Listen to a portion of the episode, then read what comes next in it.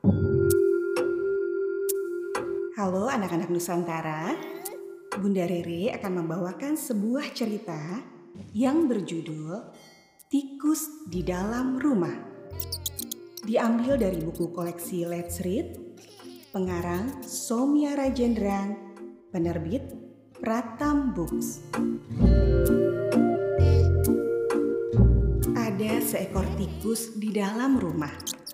Nenek yang pertama melihatnya. Tikus! Jeritnya sambil melompat ke sofa. Bantal sofa pun jatuh ke lantai.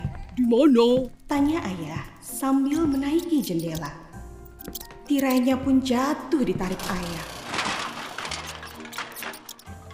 Di situ, pekik ibu sambil melompat ke atas meja. Piring-piring pun berjatuhan dan pecah. Tangkap tikusnya. Kata Mitun kepada si kucing. Si kucing menatap tikus itu dan cepat-cepat sembunyi di kolong tempat tidur. Tikus.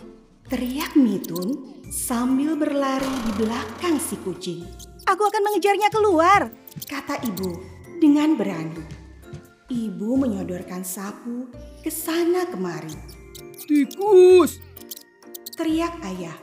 Di belakangmu! Ibu menatap si tikus dan segera sembunyi di kolong tempat tidur.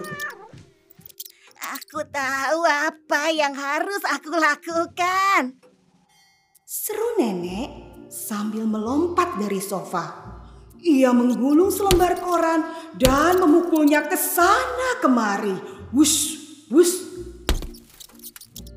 Tikus! Teriak ayah sambil menaiki jendela lebih tinggi lagi. Di sebelah kiri. Nenek menatap si tikus dan nenek buru-buru bersembunyi di kolong tempat tidur. Oh, tidak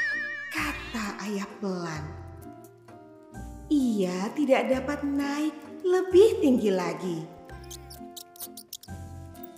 Ayah turun perlahan dan segera bersembunyi di kolong tempat tidur sebelum si tikus melihatnya. Tikus di dalam rumah! Teriak semuanya berbarengan. Adik pun bangun. Ia duduk dan mengucap matanya. Ada apa itu di bantalnya? Matanya dua, kakinya empat, dan buntutnya panjang. Tikus, kata adik sambil bertepuk tangan dengan riang. Ia menatap si tikus dan tikus pun berlari. Adik mengejarnya. Melompat ke sofa menaiki jendela, melompat ke atas meja, berguling di bantal sofa, berlari di antara tirai-tirai, melewati piring-piring, dan keluar dari pintu. Wah, ternyata adik yang berhasil mengusir si tikus keluar. Adik hebat ya. Demikian cerita dari Bunda Rere. Sampai bertemu kembali.